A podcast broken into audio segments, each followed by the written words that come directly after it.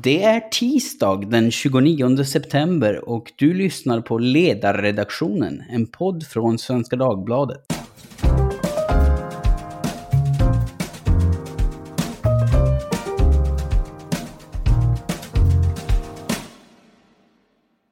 Jag heter Jesper Sandström och idag ska vi prata om Estonia-katastrofen.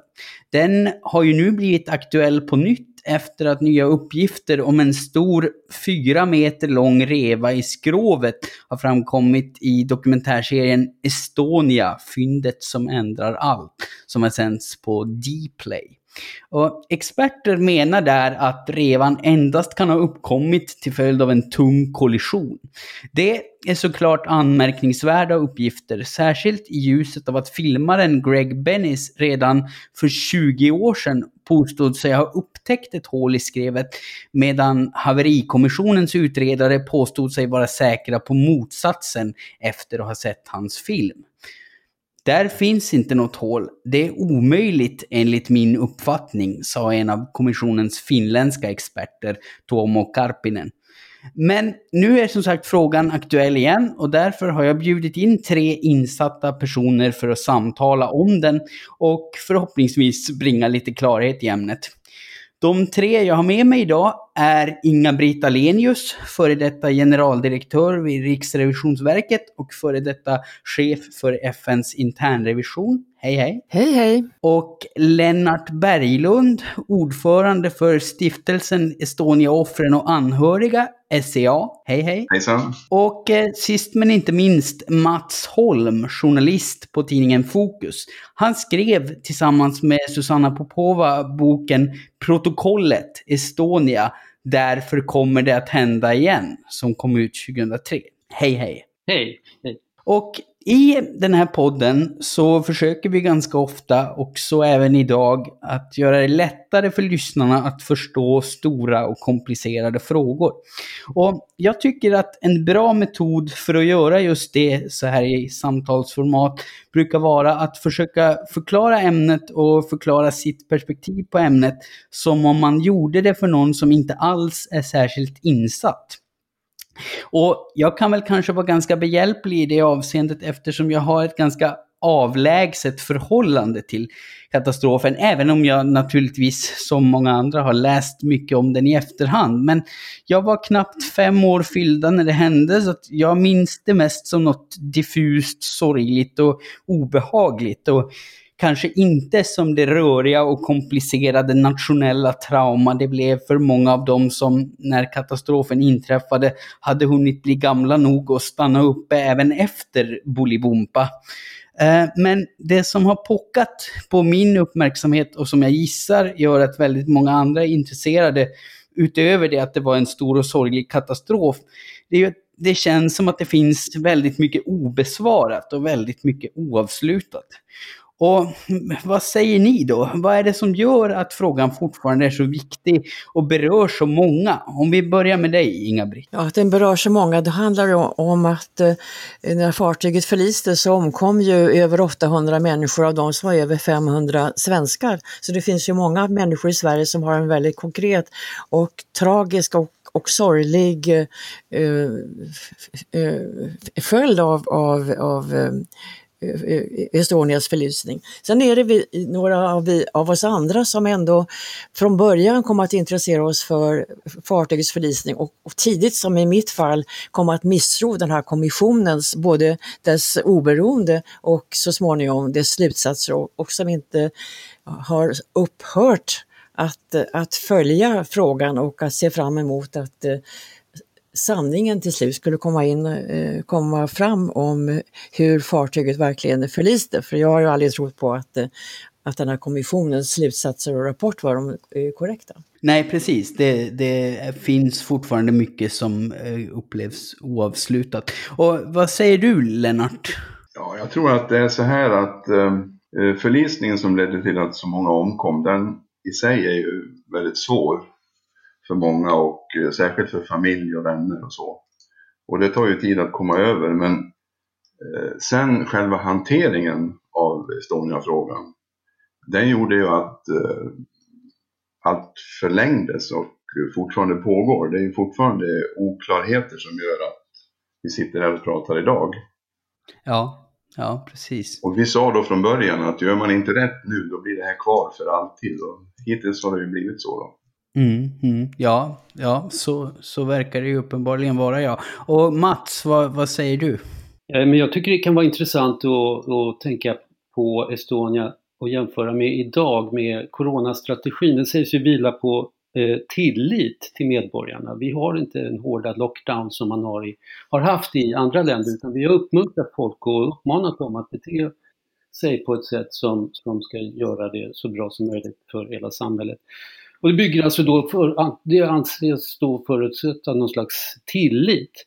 Ehm, men när det gäller Estonia så är det då så att där har myndigheter och statsledning under, från början då, som både Inga-Britt och Lennart har påpekat, det var inte, de undanhöll ju en hel del massa saker som var tämligen uppenbara. En av de sakerna som ju jag och Susanna pekar på var ju till exempel då Estonias skick vid avfärd, att det var inte inte bra. Ett annat, någonting annat som Knut Karlqvist pekade på var ju att Estonia, att det, sjunkförloppet, att eh, hur fort det gick och att eh, det är faktiskt inte rimligt att ett, eh, ett fartyg som kapsejsar på grund av vatten som kommer in via fören från den här rampen som föll ner, att det går så fort. Och eh, då, och när det då blir, när man då ändå håller fast vid den här versionen som inte bara då några journalister utan också skeppsbyggare och konstruktörer och sådana som forskar från skotska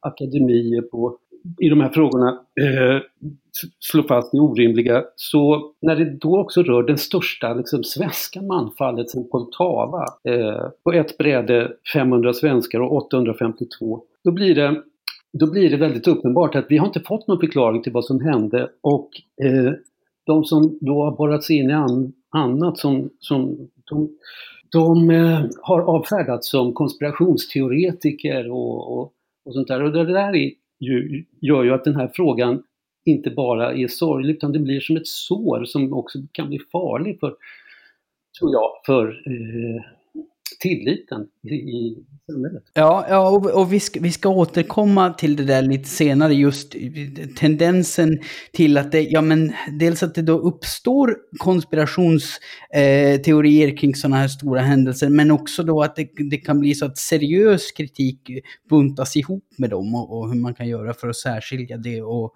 och komma till goda svar. Men i den här boken som du skrev med Susanna Popova så, så står det ju då bland annat i, i liksom summeringen av den att kan man lita på den svenska sjösäkerheten? Kan det hända igen? Frågar ni er. Och hur känner du så här 17 år efter att den boken gavs ut? Skulle det fortfarande kunna hända igen? Eller har något blivit bättre? Ja, men alltså det är ju alltid lätt att haspla ur sig en sån fras för den är lite sådär snabb och eh, slängig. Men det byggde ju på att om man inte, på en, en princip, en grundidé, att om man inte går till botten eller undersöker ordentligt vad, vad som orsakar den största katastrofen hittills, då, är man ju, då lär man sig ju inte av sina misstag och då är man ju dömd att göra om det igen. Och, mm. och i, i, vårt fall, i den boken, så byggde det också på intervjuer från, med en massa inspektörer som bekräftade att hur slarvigt man genomförde det där. Men låt oss inte stanna vid just den delen av den här frågan, för det är möjligtvis att det som är intressant med det som har hänt nu, det är ju att det här hålet, det, det är skulle ju då, om det visar sig stämma, vilket det ju verkar göra, så, då svarar ju det faktiskt, då är ju det liksom en pusselbit som skulle förklara det som många har undrat över, hur kunde fartyget sjunka så fort? Ja, ja precis. Och ja, det är, det är väl det jag tänker att vi ska rota lite i nu och, och fråga så att vad, vad behöver hända nu i, i ljuset av de här uppgifterna? Vad, vad kan man göra praktiskt och politiskt för att lösa de frågetecken som finns och kanske kasta ljus på de nya frågetecken som har uppkommit? Om, om du får börja och svara där, Inga-Britt. Ja, enligt min mening så är det ju alldeles självklart att man måste få en ny utredning av eh, sjunkförloppet, vad, vad som i själva verket har hänt, vad orsakade förlisningen. Eh, och det tror jag att, eh, att eh, det, det framstår som tydligt när vi nu har fått reda på en ny upptäckt, nämligen att ett fyra meters eh, stort hål finns i skrovet eh, till stor del under vattenlinjen och det skulle ju förklara det snabba sjunkförlopp eh, som, som, som präglade Estonia och som absolut inte kunde förklaras med kommissionens eh, förklaring att, att eh, eh, bogvisiret hade fallit in och vattnet hade kommit in på, på eh, bildäck för då hade ju färjan vänt och blivit flytande på sitt skrov. Men nu sjönk den på mindre än en timme. Vi har fått en ny information som, som, som tillför någonting nytt och som absolut måste utredas. Sen tycker jag också att vi måste förstå hur, hur direkt olämplig och felaktig den här Joint Accident Investigation Report var genom sin sammansättning. Den bestod ju av de intressenterna som, som i själva verket var de som borde ha utretts av en oberoende instans. Och sen kommer man också till det som, som vi som har följt frågan under lång tid kan se tillbaka på, nämligen att svensk statsledning och förmodligen också statsledning i de andra berörda länderna dagen efter förlisningen bestämde sig för vad som hade hänt. Man sa omedelbart att det beror på att eh, bogvisiret har fallit av och det kom att etableras som någon sanning och, och det var också så att eh, den här eh, granskningskommissionen redan efter 14 dagar kom med en preliminär rapport där man bekräftade det här eh, förloppet och det kom uppenbarligen att prägla deras arbete så att deras arbete kom ju att eh, präglas av att de skulle bevisa det som man redan hade bestämt sig för. Alltså helt eh, undermåligt arbete. Mm, mm, precis. Och vad säger du Lennart? Delar du Inga-Britts bild eller? Ja, helt. Det är ju, var ju precis det som hände, att man bestämde sig dag ett vad som hade hänt och sen ville man eh, bekräfta det. Men jag tror också att eh, vad vi behöver nu är givetvis en utredning, men det är ju ingenting som behöver ta flera år, inte ens månader. Det kan gå på någon vecka faktiskt. Det man behöver göra är att skicka ner dykare och, och eh, utrustning som kan analysera alla de här problemen som man har hittat nu. Man kan ju mycket enkelt bestämma precis vad, vad som har hänt genom att bara ja, mäta, fotografera, analysera på plats. Jag tycker också att man kan jämföra den här undermåliga utredningen som gjordes av den här kommissionen med det som gjordes efter Titanics förlisning för över hundra år sedan. Eh, eh, eh, vid den tidpunkten så förde man till New York, alla överlevande som då var 700 människor och som förhördes, var och en förhördes av den här oberoende kommissionen. Och sen så skedde arbetet under väldigt stor öppenhet och pressen var informerad i dagliga rapporter och efter fyra månader var man klar. Den här undermåliga eh, kommissionen i Sverige satt ju i tre år för att försöka kom, komma överens. Och de förhörde bara sex personer av alla 137 som överlevde. Alltså den är verkligen undermålig och jag tror att man måste förstå det för att också eh, ställa sig bakom att nu behöver vi en ny utredning. Ja, Ja, jag förstår. Mats, vad säger du? Delar du den bild som Lennart och Inga-Britt ger här? Ja, verkligen. Jag kan ju bara säga så här att det som fick oss att eh, skriva om det här, det var ju bland annat upptäckten då att vi fick, kom över några protokoll från den här eh, eh, Halmstadsundersökningen som gjordes och där, där, som tydligt visade att svenska inspektörer från Sjöfartsverket hade sett att färjan var, inte var sjövärdig, inte sjöduglig. Eh, men där det står sen, där, vi ser, där man sen kan läsa i rapporten att Estonia vid avfärd från Tallinn var i fullgott skick och nyligen godkänd av svenska inspektörer. Alltså som journalist, om man skriver fel, det kan man göra ibland, då, då, då säger någon redaktör eller någon som man har intervjuat i Tyskland att ändra på det här och se till att det blir rätt och så gör man det. Men när en, en av tre stater gemensamt tillsatt kommission eh, ertappas med sådana uppenbara felaktigheter och inte trots påpekanden om det ändrar sig utan istället ägnar sig åt att eh, misstänkliggöra alla som är kritiska, då, då kommer man tillbaka till det här med tilliten och det är det som jag tycker är, är, är så Ja, därför är det här så angeläget av flera skäl. Att faktiskt... Eh... Alltså jag tycker att det är helt enkelt fruktansvärt vad kommissionen där tillåter sig att säga. Det är inte bara som att säga att det var felaktigt utan de ljuger oss faktiskt rakt in i ansiktet. För att av det här Halmstadsprotokollet som genomfördes enligt konstens alla regler så framgår alldeles tydligt att på de sex eller sju punkter som man hade anmärkt på, de var av den karaktären att Estonia borde inte att få lämnat Tallinn därför att det enligt eh, internationell eh, sjöfartssäkerhetsmått så var hon inte sjövärdig. Hon var, hon var inte sjövärdig. I, i eh, slutvända på den här kommissionen så, bytt, så avgick ordföranden hastigt och lustigt och kanske tyckte han att det var väl magstarkt att skriva under den här slutsatsen att hon var sjövärdig när de lämnade Tallinn. Och så fick man då under några månader en, en eh, ordförande som slutförde rapporten, för man ville inte börja från början.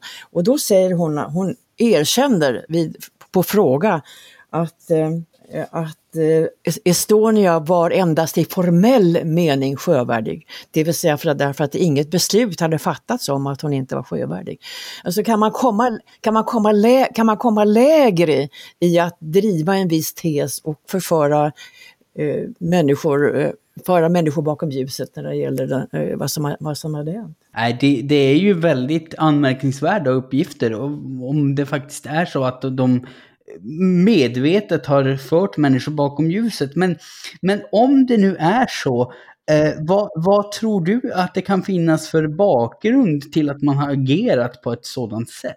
Jag kan bara dra, eh, reflektera, ska vi säga, lite amatörmässigt på egen hand och, och, att det berör militära frågor. Och det är därför som man har agerat så här i citat i nationens intresse därför att det var så mycket hemlighetsfullheter som pågick vad gäller Estonia. Vi vet ju att Estonia har transporterat eh, militärt eh, materiel under tidigare resor för det kartlades ju senare på uppdrag av regeringen. Däremot så vet vi inte, för det har aldrig eh, eh, undersökts, om hon också den här natten hade militär eh, utrustning ombord. Nej, nej.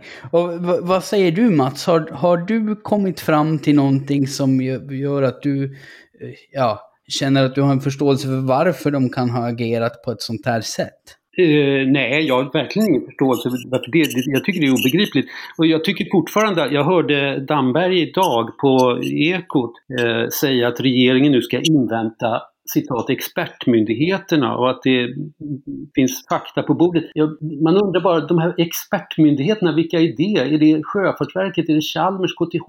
Alltså det är myndigheter som är berörda av det här är väldigt olika och har väldigt olika infallsvinklar på det här. Eh, och det är liksom som att det är någon slags folkhälsomyndighets... Eh, alltså att regeringen återigen väljer att förhålla sig som, till, som att Folkhälsomyndigheten är eller något motsvarande. Det är väldigt konstigt allting. Att det, det, man, det låter, man får inte hopp. Medan å andra sidan den här estniska statsåklagaren nu, han driver ju på väldigt offensivt och, och, och eh, gör det helt rimliga. Han, han kräver en ny utredning. Det, det, är lite konstigt, att, märkligt och oväntat att Estland, eh, som vi alltid, eller länge schablonmässigt har betraktat som, och kanske på goda grunder också betraktat som en sluten och omöjlig stat att tränga igenom, där, där sanningar inte tränger igenom det offentliga. De driver på här.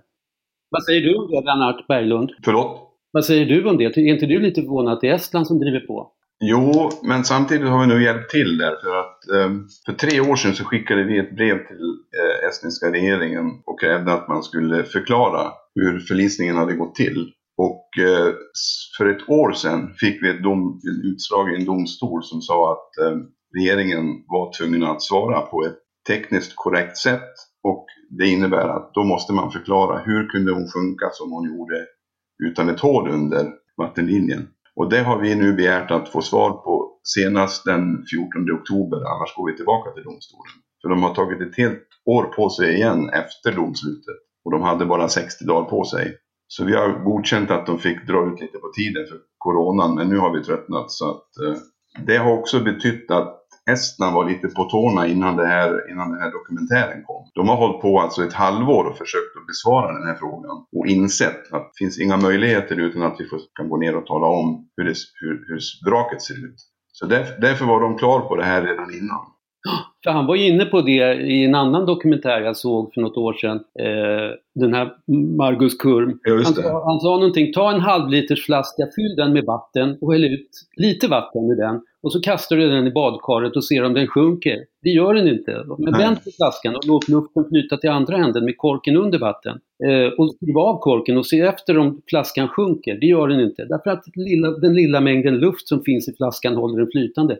Alltså det är precis det som har hänt nu är precis att det är någon som har stuckit hål på den där flaskan. Ja. Den där videon finns faktiskt på vår hemsida. Gör den det? Ja, så att eh, den kan man se och, och, det var ju redan då helt, han var väldigt tydlig redan då, Marcus Kurm, att det, det, var något galet med det här. Mm. Och han har ju lite agg till, till svenska myndigheter sedan han själv höll på med den utredningen för, jag tror det är snart 15 år sedan. För han kom hit och skulle intervjua folk inom militären. Och det skulle vara okej okay ända tills han dök upp, då fick han inte träffa någon. Så han är lite, han är lite irriterad på man har skött det här. Jag skulle vilja knyta an till det, det Inga-Britt sa om eh, militära inblandningar. Jag tror man kan, eh, alltså Damberg han borde faktiskt ha skickat ett brev till eh, eh, ja, marinens högkvarter och begärt ut all information, all, allt som finns i arkivet som rör Estonia, som eh, är hemligstämplat idag. Vi har begärt att få ut handlingar både från MUST och Säpo och fått svaret att eh, på grund av rikets säkerhet så kan vi inte ens tala om vad vi har i vårt arkiv. Så att eh, det finns definitivt information i de arkiven som man skulle kunna börja titta på. Då kommer man snabbt igång med en utredning. Ja, ja det, det låter ju onekligen relevant och, och, jag får väl dra lite grann en parallell till Corona jag också, eh, som, som ju Mats har gjort. För jag brukar svara, alltså, ibland om vi uttrycker oss kritiskt som eh, ledarskribenter, om vi, om vi kritiserar myndigheters kommunikation eller agerande så får vi ju lite grann ilskna läsarmail som säger att ja men du är väl ingen expert på det här området, sitt ner och håll tyst och lyssna på dem som kan. Liksom. Och, och då brukar jag svara det att nej, det, jag är ju inte någon expert på, på vare sig liksom internationella relationer eller fartyg eller något annat som, som är eh, liksom, relevant för lösningen av sakfrågan. Men däremot det jag kan göra som journalist är ju att analysera hur kommunikationen och agerandet ser ut. Och liksom, om, om, man, om man agerar på ett sånt här sätt, då, då finns det ju kanske anledning att anta att man, man inte vill att sanningen ska komma fram. Det, det, så kanske man kan reagera utan att vara alldeles för konspiratoriskt lagd. Helt rätt, tycker jag. Eh, och och jag, jag, tolkar det som att ni alla tre är tämligen överens om att det skulle behövas en, en ny och grundligare undersökning av vraket. Ja, absolut. Jo, det, det, har vi varit länge och vi tycker bara det är märkligt att en sån här, ett sånt här avslöjande nu, det borde vara på något sätt, det borde vara nästan omöjligt att inte omfatta den Eh, uppfattningen. Men, men, men eftersom ansträngningarna har varit så eh, intensiva under, under lång tid, särskilt under de första året efter förlisningen, så måste det ju vara så att det finns någonting som man, in, som man inte vill avslöja. Man, vill, eh, man har någonting att dölja, man vill inte visa sanningen. Och eh, den ena bisarra eh, åtgärden efter den andra, eh, inte minst den här, det här förslaget att man skulle täcka över vraket med betong för att förhindra dykning, pekar ju på att det är någonting märkligt som försiggår. Nu har det gått 25 år efter det här. Då kan man ju ändå hoppas att några av de intressen som fanns för 25 år sedan och som man hade anledning att bevaka, att de inte längre finns. Alltså Sjöfartsinspektion, Sjöfartsverket med Sjöfartsinspektionen var djupt involverade i hela arbetet och, och svarade för den där hamnstadskontrollen och, och, och de rapporter som har skrivits visar ju också hur märkligt eh, personalen där uppträdde efter olyckan. Och Sjöfartsverket har ju ny ledning nu, alltså borde de kunna, kunna medverka. När det gäller den militära frågan så är det känsligare. Nu vet vi som sagt att eh, militär utrustning transporterades på Estonia. Vem hade intresse av det? Vart tog den här, eh, vart tog det här, eh, den här militära utrustningen vägen? Vad var det Sverige medverkade i? Efter 25 år så borde man ändå kunna svara på det tycker jag.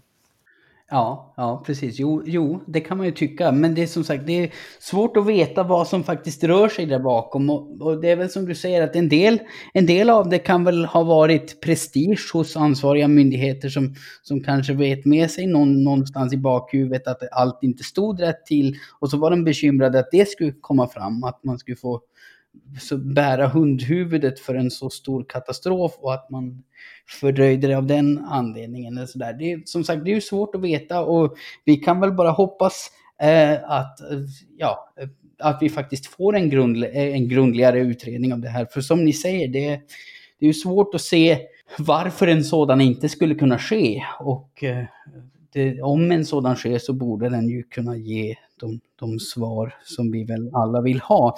Men det, är sant, alltså det är så konstigt för det, om man tittar på de här vittnesmålen, som, det som folk berättade, det var väl i Karlqvists bok tror jag, eh, en 19-årig flicka som heter Jasmina Weidinger, hon, hon, hon berättar hur hon väcktes av ett hårt ljud från bildäck. Det lät sånt som om något tungt rörde mot fartygets högre, högra sida och fartyget började kort efter det lyfta. Alltså det, det här nu blir man ju lite nyfiken på och få veta på om det här kanske hänger ihop med det man har precis upptäckt. Det finns ju flera vittnesmål precis av den karaktären att man har hört, eh, känt en eller två kraftiga dunkar. Nu ska man också komma ihåg att i den här kommissionen så satt ju alla intressenterna, inklusive Sjöfartsverket. De kunde ju, det som ålåg dem, det var ju att eh, försöka kompromissa sig ihop om någonting som alla kunde vara eniga om. Och det blir ju så att eh, man, man kom fram till slutsatsen att det var ju varvets fel, för varvet var ju inte representerat i utredningen. Det var därför som det tog tre år, eftersom det tar ja. så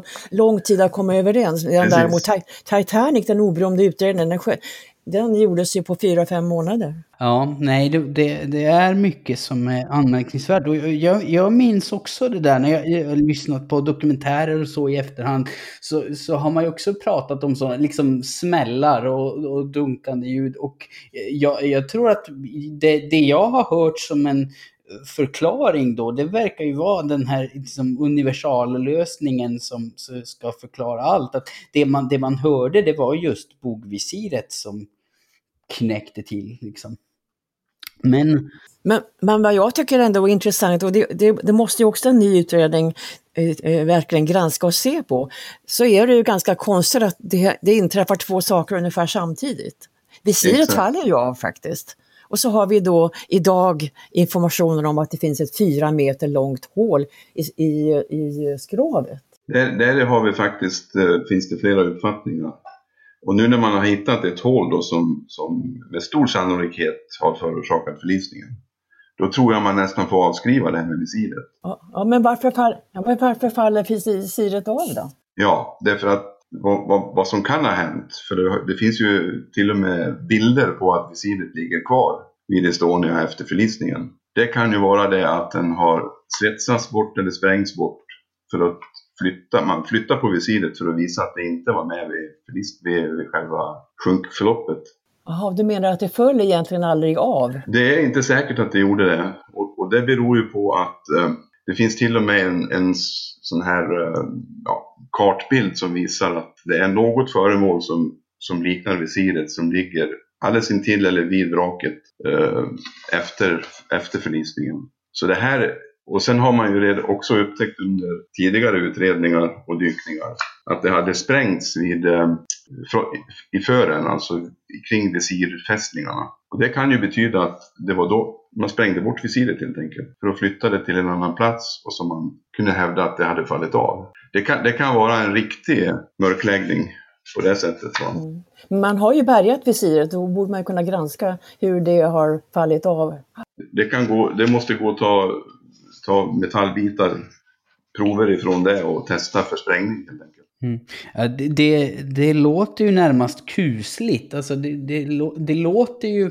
Om om alla, alla de här märkligheterna vore sanna så, så rör det ju som en, sig om en tämligen stor konspiration. Och jag, jag tänkte komma tillbaka lite till det, därför att i alla sådana här komplexa, tragiska händelser där det finns massor av lösa trådar och obesvarade frågor och otydlighet och så vidare, så, så öppnar det ju för allehanda konspirationsteorier oavsett om det rör liksom coronavirus eller Palmemord eller den här katastrofen. Och det har ju nu då i samband med de här uppgifterna framkommit till exempel att Eh, ja, man säger revan i skrovet skulle kunna bo, eh, bero på en ubåtskollision. Men andra har då invänt att det vore högst osannolikt eh, att, att det i så fall inte ska ha kommit fram eftersom många länders underrättelsetjänster bevakar det här området och det skulle med all sannolikhet ha lett till dödsfall även ombord ubåten och det har inte hittats något ubåtsvrak och så vidare. Så hur gör man för att behålla seriositeten i bevakningen av sånt här? Där, där, det, där, det, liksom, där det faktiskt kan föreligga en konspiration. Hur, hur gör man eh, för att sålla det som faktiskt kan innehålla ett seriöst svar från det som mest är fantasifulla konspirationsteorier? Där får du kanske börja svara Mats. Ja, nej men man får ju fråga sig varför konspirationsteorier uppstår. Och de uppstår ju i ett läge när de som är, jobbar med vanliga saker som journalistik eller annat ser att det i, i de mest elementära saker står fel i rapporter. Vi råkade se om det här med sjövärdigheten, att det, att, att det inte stämde. Det var diametralt fel det som stod i slutrapporten, att båten var sjövärdig, när vi hade sett papper på att den inte var det. Knut Karlqvist och andra såg i, i eh, när de granskade vittnesmål, ingenting om att eh, eh, det här om de här smällarna eh, som, som kan ha antytt något annat än eh, eh vatten från bara Bogris, det öppna, den öppna fronten på Estonia. Så att det, det som har väckt att, att konspirationsteorier uppstår är inte konstigt.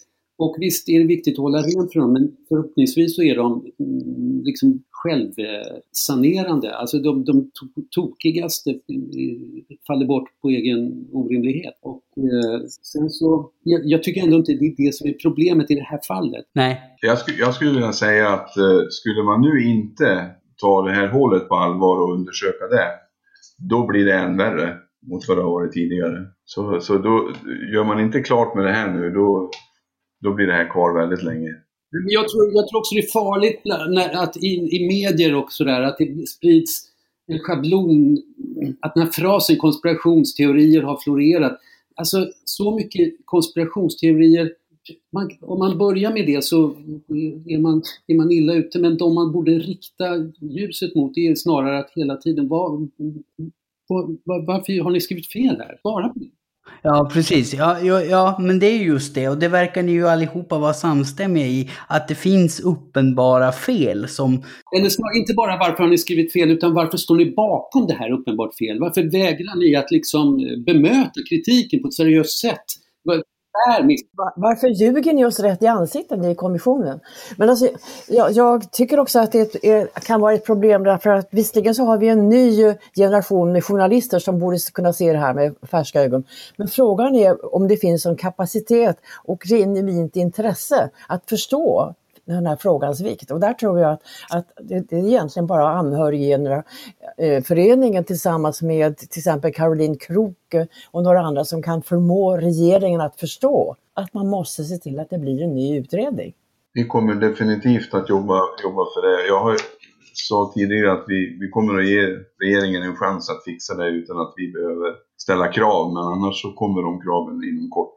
Ja, och, och jag, jag, menar jag skulle gissa, nu kan inte jag tala för hela ledarredaktionen på Svenska Dagbladet såklart eh, och, och jag är bara vikarie så jag försvinner snart igen. Men jag tror att mina kollegor har i stora stycken samma syn som jag och att vi väl kommer ta oss an den här frågan ungefär på samma sätt som vi har hanterat coronapandemin. Att oavsett hur myndigheterna uh, nu väljer att agera så måste det vara ett agerande på ett transparent sätt. Det måste vara tydligt varför de gör som de gör. Och om, om det inte är det så, så ska vi fortsätta ställa frågor tills dess vi har fått de svar vi behöver. Men uh, Inga-Britt, du, du sa ju när vi eh, pratade om det här innan podden att ja, men, alltså, du, men, du menar ju att man ljuger folk rätt upp i ansiktet och att det, det faktiskt är så att ja, men man, man, har kommit överens om en version som inte stämmer. Eh, alltså de regeringar som var inblandade. Skulle du kunna beskriva det lite mer i detalj? Ja, när jag säger att man ljuger oss eh, rätt i ansiktet så menar jag ju kommissionen när man har mage att dra slutsats att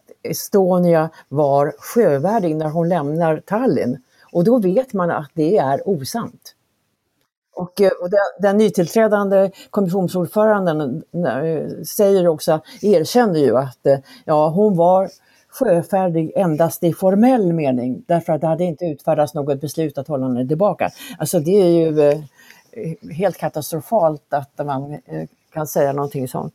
Alltså jag menar också att det, för oss som, som har studerat det där och ganska tidigt så, så var det väldigt tydligt att det fanns ett intresse väldigt, väldigt tidigt att styra slutsatserna i en viss riktning. Därför att svensk, svenska regeringen och antagligen i samförstånd med Finlands och Estlands var ju redan dagen efter förlisningen på det klara med att den orsakades av att, att, eh, att, att visiret hade fallit av och vattnet hade kommit in på, på däck etc. Och sen så följs ju det, det räcker ju inte med det, utan sen följs ju det av, av eh, intensiva ansträngningar under lång tid att styra bort från, från verkligheten till det här bisarra beslutet att man skulle täcka in hela vraket i betong för att förhindra alla möjligheter till att dyka och få, och få reda på sanningen. Och det är klart att den här, den här, de här ambitionerna, de föder ju misstro till, till eh, de styrande och, till, och misstro till vad det egentligen är som, som försiggår. Ja, ja, naturligtvis. Det är väl inte heller helt eh, självklart att åberopa gravfrid som hinder för att göra undersökningar i liksom oklara, av, av, av, svåra fall där, där man kan misstänka oegentligheter. Det, det, det, finns väl, det har man väl sett tillräckligt mycket Sherlock Holmes och andra för att se att man kan gräva upp gamla gravar. Men jag vet inte hur det där...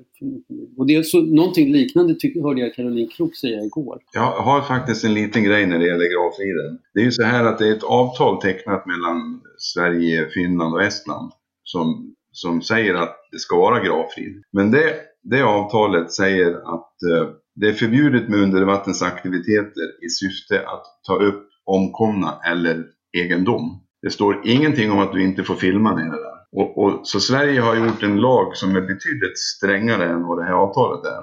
Och jag är inte säker på att Estland har, har gjort det. Så därför kan Estland ha möjlighet att eh, dyka på vraket utan att Sverige kan säga något.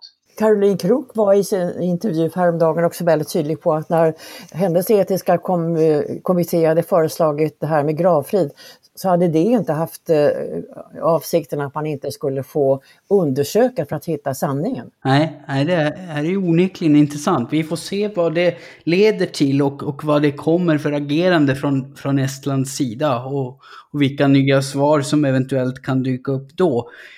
Eh, men, och här kanske jag kan gissa ungefär vad ni kommer att svara, men jag brukar ju då och då försöka använda den här podden för att be om hjälp, för att be om synpunkter på hur jag och mina kollegor kan bli bättre på att göra vårt arbete. Så att om det händer något sånt här igen, en stor och komplex och kanske också traumatisk händelse, vad behöver journalister då göra för att få så bra svar som möjligt, så fort som möjligt, för att om möjligt förhindra att något sånt här händer igen. Att vi sitter med en massa frågetecken och motstridiga uppgifter eh, flera decennier senare. Vad, vad säger ni om det?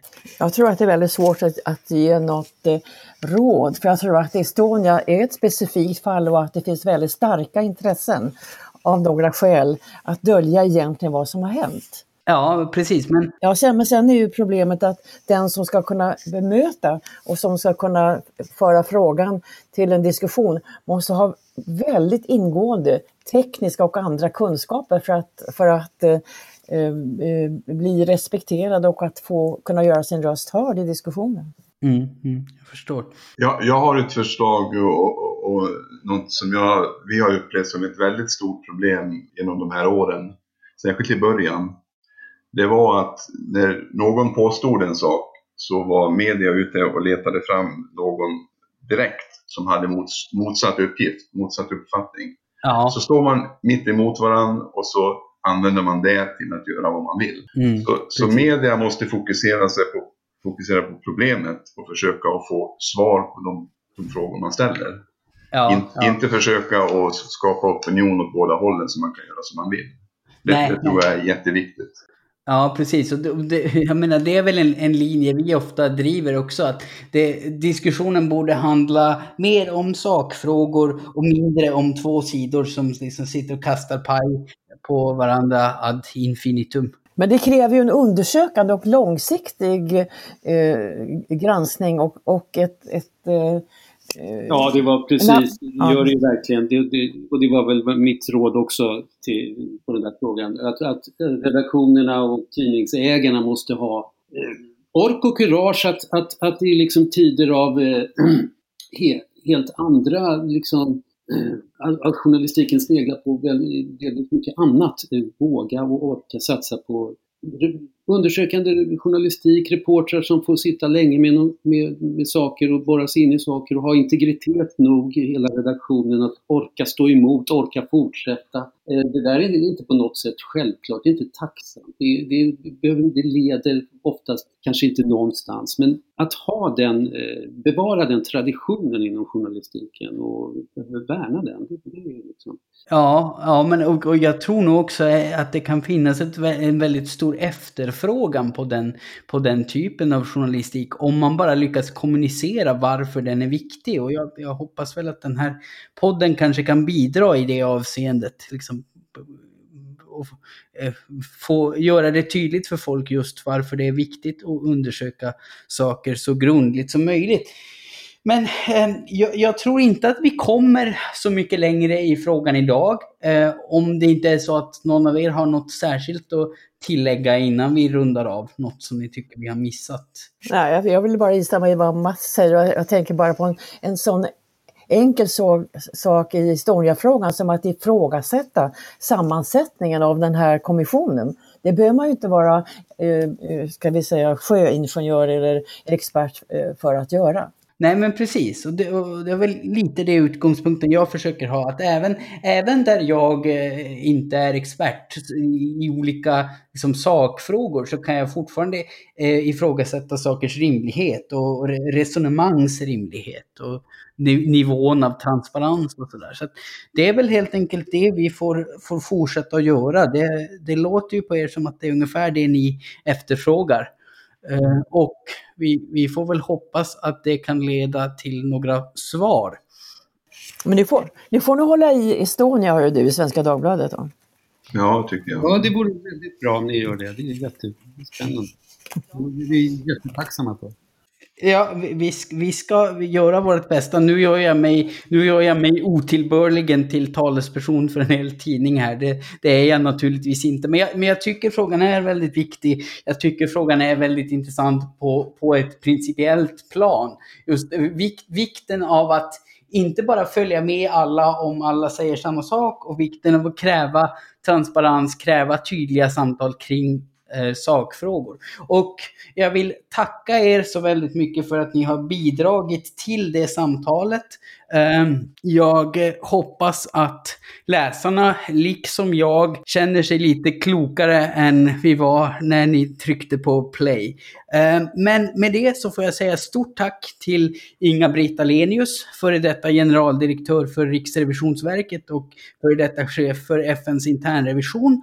Och Lennart Berglund, ordförande för stiftelsen Estonia-offren och anhöriga, SCA och till Mats Holm, journalist och författare, idag verksam vid tidningen Fokus. Eh, och ja, till lyssnarna då, ni får som vanligt gärna komma med frågor, tips och funderingar till ledarsidan svd.se. Tack!